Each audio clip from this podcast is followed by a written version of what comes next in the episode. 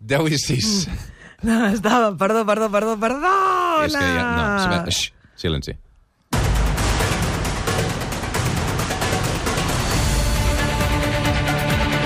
L'Hora Negra. Que no, no calla ni sota l'aigua. Maica Navarro, bon dia. Com estàs? Amb el cafè? Amb el cafè la Has vist? T'he portat uns bunyols avui. Ostres, sí. Que bons, eh?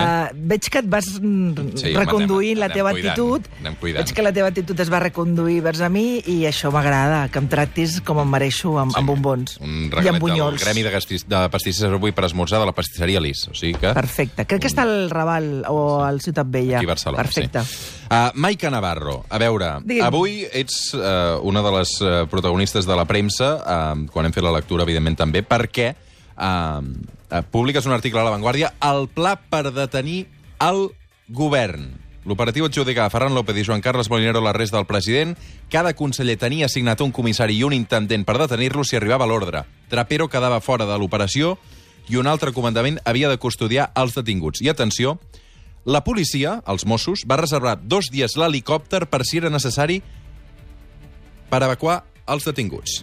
Nos poníamos a disposición del órgano judicial por si ordenaban algún tipo de acción en ese sentido. Acciones, por cierto, que teníamos previstas desde dos días antes. ¿Acciones como? ¿Cuáles? La detención del presidente y de los consellers, si evidentemente se nos ordenaba.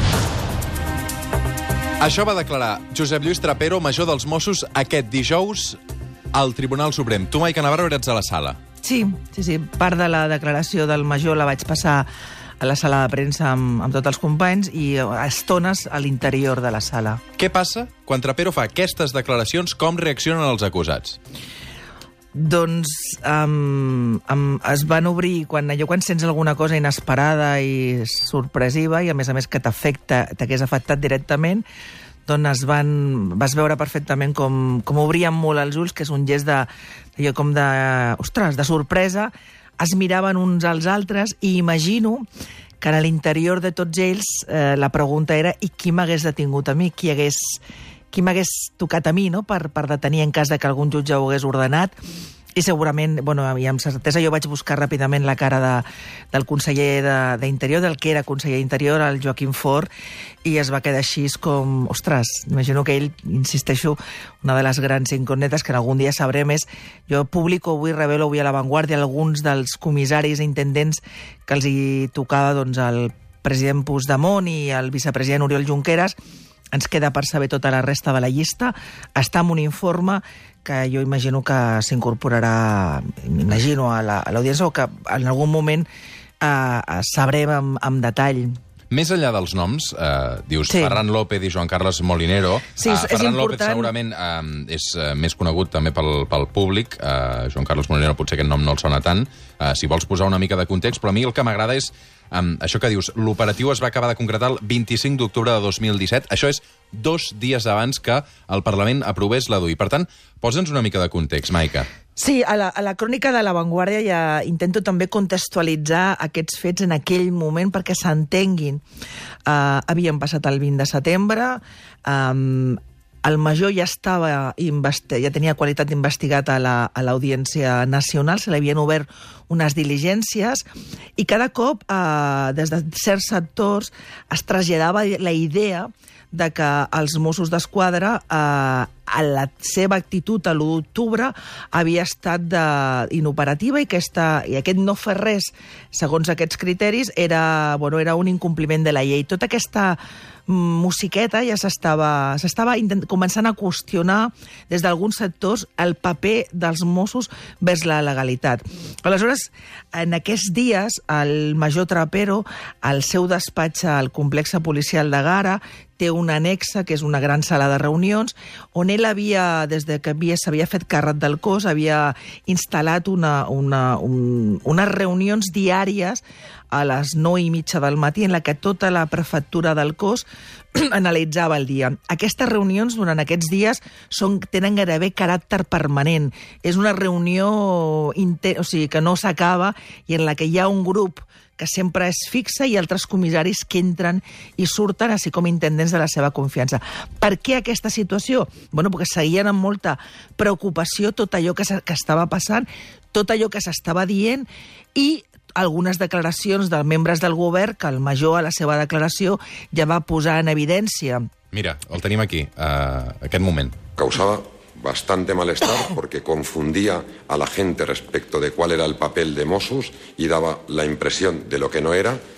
Eh, dio una imagen que, que alimentó algo que, que creo que estamos pagando y que, no, y que no se adecua con la realidad. Y eso se lo censuramos y por eso he dicho antes que pienso que fue irresponsable.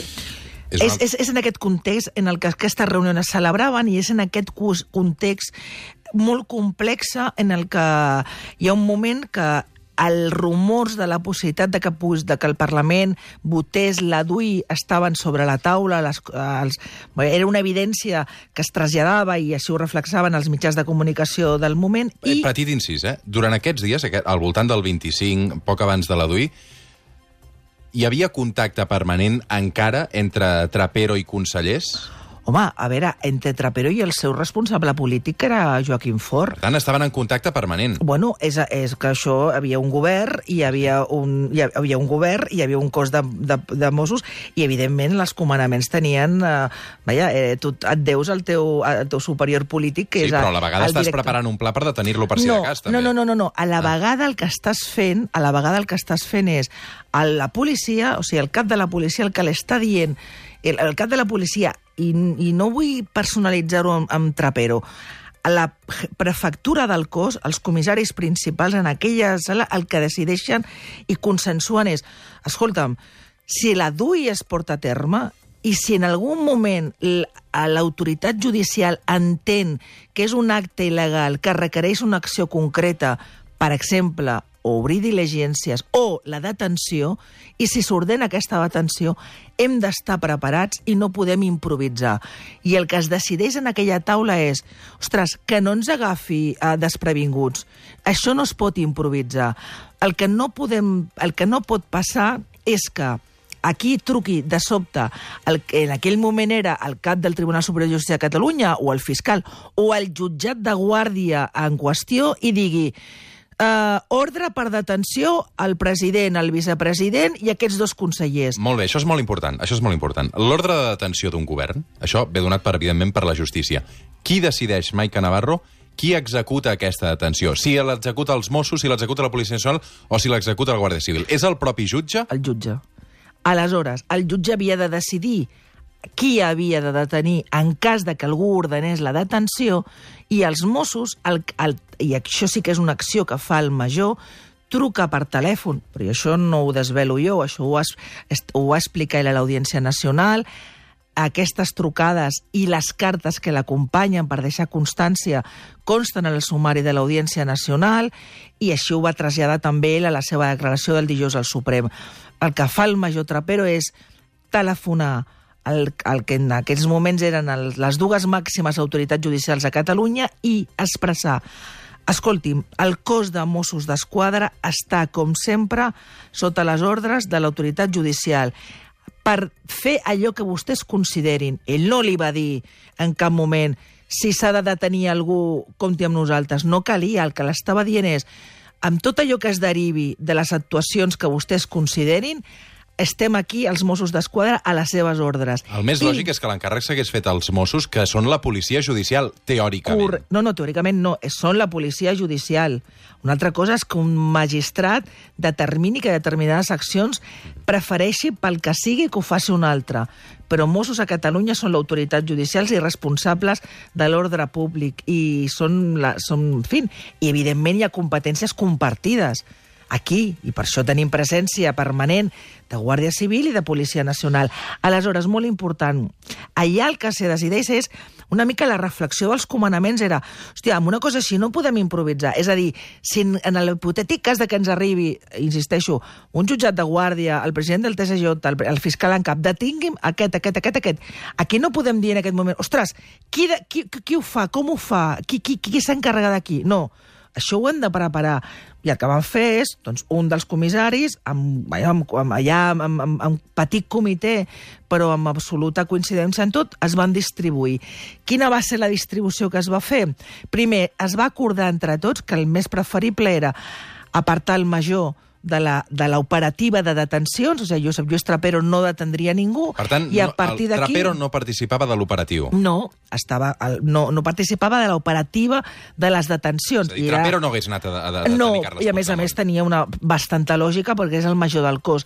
Què passava? Els dos comissaris principals, les seves dos mas dretes, mas dretes o les dos mas esquerres, com ho vulguis dir, perquè això era una estructura bicèfala, o sigui, un cap amb dos, amb dos subcaps, els, els comissaris Ferran López i Joan Carles Moreros, per cert, tots dos han de, de, de declarar a les properes setmanes al Suprem, doncs s'encarregaven de detenir el president Puigdemont. El vicepresident Oriol Junqueras la, seria, havia estat, hauria estat detingut per l'Emili Quevedo, el van veure ja declarar al, al, al Suprem, acompanyat d'un intendent, de l'Amadeu Domingo, perquè a partir d'ell, la resta de, de membres del govern se'ls havia assignat una parella de un binomi d'un comissari amb un intendent.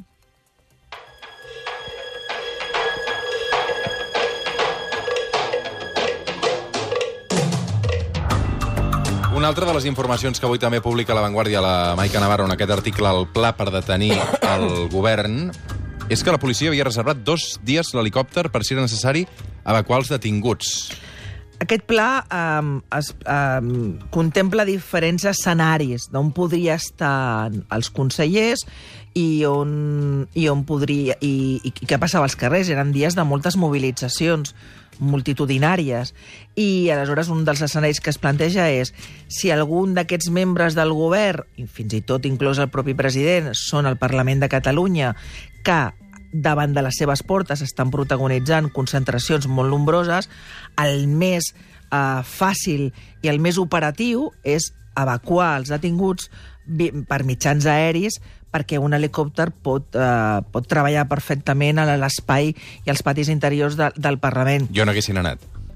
Després, a, a, on, on s'hagués aterrat?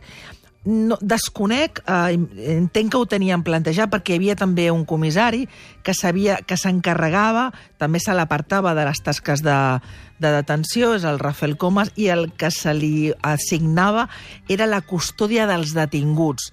Ell s'encarregava de custodiar els detinguts, de tota l'operativa de trasllat dels detinguts i de tota l'operativa i de la interlocució única del cos de Mossos d'Esquadra amb la judicatura en aquests atestats. Seria l'instructor de les diligències.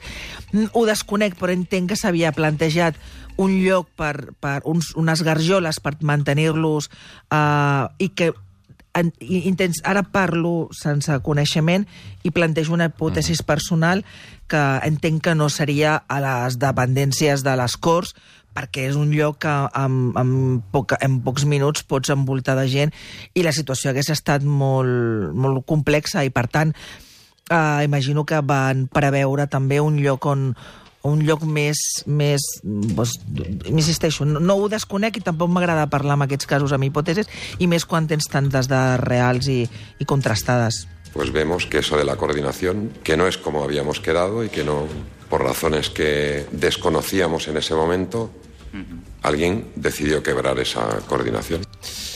Maica Navarro, a veure, aquest dijous vam sentir la veu de Trapero després de molt i molt i molt de temps.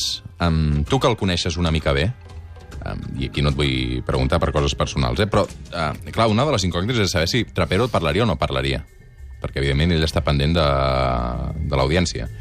Um, per què creus que va parlar? Perquè ho teníem molt estudiat, eh? Això sí que ho pots arribar després de la conclusió, després d'haver-lo escoltat sis hores.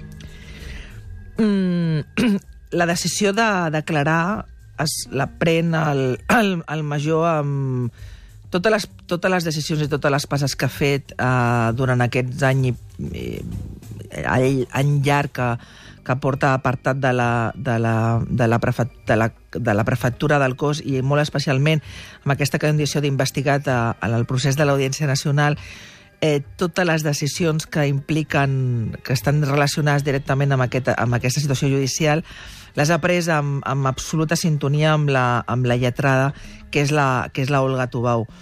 És veritat que ells van voler mantenir, van decidir no revelar amb anterioritat el que farien, i de fet cap mitjà de comunicació es va aventurar a, a, a preveure ni, ni a confirmar el que faria, perquè és veritat que el previsible era que tot, amb la seva condició d'imputat, d'investigat, la de dir la veritat eh, implicava doncs, una certa risc o desavantatge en el moment que havia d'anar a declarar a l'Audiència Nacional, que ja ha declarat tres vegades, però en el moment en què hagués de... arrenqués aquest judici a l'Audiència Nacional, on com a investigat té dret a, bueno, pues a fer una, un altre tipus de, de relat. Però jo crec que tot l'entorn de professional i personal de, del, del major Trapero si la gent repassa les seves intervencions, les seves tres declaracions a l'Audiència Nacional, si les escolta o les llegeixes, veurà que en totes tres el relat és el mateix. I és idèntic al que va fer en el Suprem. I és idèntic al que farà a l'Audiència Nacional. I això No com tenim es data, diu? no, encara, a l'audiència, per quan No. hagi de declarar? Quan surti? No. Bueno, això és, no ho sabem. Hi ha una, rumors a Madrid que diuen que la voluntat és tot i la paradoxa de que són tribunals diferents, per tant haurien de ser Sí. causes independents, que no haurien d'estar condicionades, però és una de les mm, hipocresies i, i ridiculeses d'aquesta història, i és que eh, la, el, el que diu els, els tambors de Madrid és no, no, s'esperarà que hi hagi sentència del Suprem per posar data al judici de l'audiència. Joder, doncs menys mal que no, que no estan interrelacionats. En qualsevol cas, aquest entorn jo crec que... Si aquest és el mateix relat sempre, eh, sempre, és a dir, que ell té, ell té un únic relat, que és el seu relat, el seu relat com a cap del cos. I el que vam veure en directe tota la gent, doncs, per la ràdio, per diferents mitjans de comunicació, i els que teníem el privilegi de viure, a tots els periodistes que hem tingut, o el públic, el privilegi, perquè aquest ofici et permet coses com aquesta, sentir una declaració com aquesta en directe, eh, dins de l'interior d'una sala com el Suprem, el que et permet és eh, veure que l'home que va seure eh, amb aquella cadira va ser un policia que va defensar uns procediments professionals, o sigui, va, va defensar a la policia. I el que va sentir molta part del col·lectiu, que durant tot aquell dijous el va sentir i el va escoltar amb moltíssima atenció, era que per primera vegada en molt de temps algú tornava a parlar en nom seu. Hi ha relació entre Trapero i els acusats? No. Però és que no hi ha relació entre Trapero i bona part del cos. Ell continua... Ell està... Ell Què està fent continua- aquest, aquest any que ha fet? Treballar, està Sí, sí. sí, treballant, a, ell té un despatx, un despatx a, a les Corts, eh, el, que, el que va treballar uh -huh. complint el seu horari, i el que ha estat fent és, és, tra és treballar. El que fa és un treball que està absolutament apartat de l'operativitat diària del cos. Però és que en el cos de moltes Mossos d'Esquadra hi ha molta feina a fer. A mi em va... No, però- no em va agradar quan es va dir en el seu moment que estava fent tasques administratives gairebé com si estigués fent les fotocòpies de... Castigat. de sí, no, no. O sigui, és, eh, a, a ningú, ningú que conegui Mossos d'Esquadra se li passa pel cap que al major, ni aquest ni cap altre major, se li hagi de castigar de res ni de, ni de res. Ell està eh, fent unes tasques i, evidentment, i, es va, i evidentment, en el seu temps lliure el que ha fet és preparar-se la seva defensa. Hem de recordar que li demanen 12 anys i el que sí es va veure en aquestes sis hores de declaració és un treball molt, molt sòlid amb la seva lletrada. Um, última pregunta. Només, ja l'última. Quan portem? Una estoneta, ja. Hòstia, se'm passa el temps volant amb tu, eh? És que tinc, mira, és que tinc... Se'm passa el temps volant amb tu. Això, és un, això tu creus que si anéssim més enllà d'aquest estudi... Ens estem enamorant. De... Sí, Mira, uh, et faré l'última pregunta perquè tinc un llibre aquí, El dia que murió Caputxinski. Que bé, És sensacional. que bé. Està a Madrid escoltant-te. Ostres! No, mira, ara intenta... Coneixes el Ramon Loba, Home, personalment? perdona, em va enviar ahir la... Doncs, la a veure si el podem saludar, perquè crec que ja ha arribat a Madrid. La invitació per anar Doncs ara deixaré a la presentació. Te'l deixaré saludar perquè més he vist que a Ostres. primera hora del matí el Ramon Lobo et piulava també. Ah, sí? Um, I piulava l'article que avui havies, havies publicat. Uh, de seguida el saludarem a Madrid perquè crec que Tots els que vivim aquest ofici amb la passió que aquest ofici del periodisme mereix, no només hem d'haver tingut... Jo he tingut l'honor de compartir alguna vegada bones estones amb ell, sinó que és d'obligada lectura i sempre ell, a vegades amb dubtes d'aquestes professionals, una trucada al Ramon sempre és... Mm, Ramon ja me Lobo. callo, coño, ja me callo. Bon dia, buenos días. Bon dia, què tal? Com estàs, Ramon? Molt bé. Aquí, Guapo! Aquí amb la Maica Navarro, que li he explicat que venia just després i m'ha dit, home, deixa'm saludar a la Maica, um, deixa'm saludar al Ramon, perquè no sabia que us coneixíeu. Sí, sí, nos conocimos eh, creo que hace años ya en Huesca, ¿no? En el. Congreso de Periodismo Digital de Huesca. Sí, sí. Pero ¿por qué no estás en Barcelona, que hace un día maravilloso? Y te hubiera llevado a la boquería a comer con mi amigo David Camacho, que está aquí en el estudio. Bueno, ¿y eso cuándo lo hacemos? Pues pon, saca agenda. Ahora al Roger, que nos lo llevamos también. Se está No, muriendo de vull- gelos ara mateix. Jo, jo, jo, jo, Voy a estar la semana de San Jordi. Ah, pues venga, hecho. Pues un- una boquería fijo. Doncs, uh, mira, jo ja tinc el llibre aquí, és un llibre sensacional, Sí. ara en parlarem, uh, no només del llibre, sinó també de, de tot plegat una mica, perquè amb el Ramon es pot parlar de tot, es pot parlar de la vida, es pot parlar de Venezuela, es pot parlar d'Espanya, de Catalunya... Efectivament. I de periodisme, i del bon periodisme. I del bon periodisme, exacte. Um, I és un llibre fantàstic que ara desgranarem. Uh, Maica, moltes gràcies per tot. Uh, feina impecable, aquesta, uh, que ens ha anat molt bé avui que vinguessis, uh, evidentment, per explicar aquest article de La Vanguardia. Um, i... Jo crec que és, com, és important que es comenci a explicar a l'altre relat, que, perquè hi ha una cosa que vull destacar. Aquest pla, els Mossos l'han mantingut en secret durant 17 mesos. A ningú se li escapa que en algun moment molt complicat de la història recent dels Mossos, haver-ho explicat els hi hagués anat molt bé. Però això s'entén molt com són Mossos. Aquesta discreció que a vegades els que fem successos ens desespera. Però, bueno, ells tenen les seves pautes, el seu ritme, el seu calendari, que a vegades està molt llunyà del que impliquen el ritme i els calendaris, el soroll i l'opinió pública. Ells ho han explicat quan consideraven que ho havien d'explicar. Maica, una abraçada. Ramon, que te quiero, un abrazo.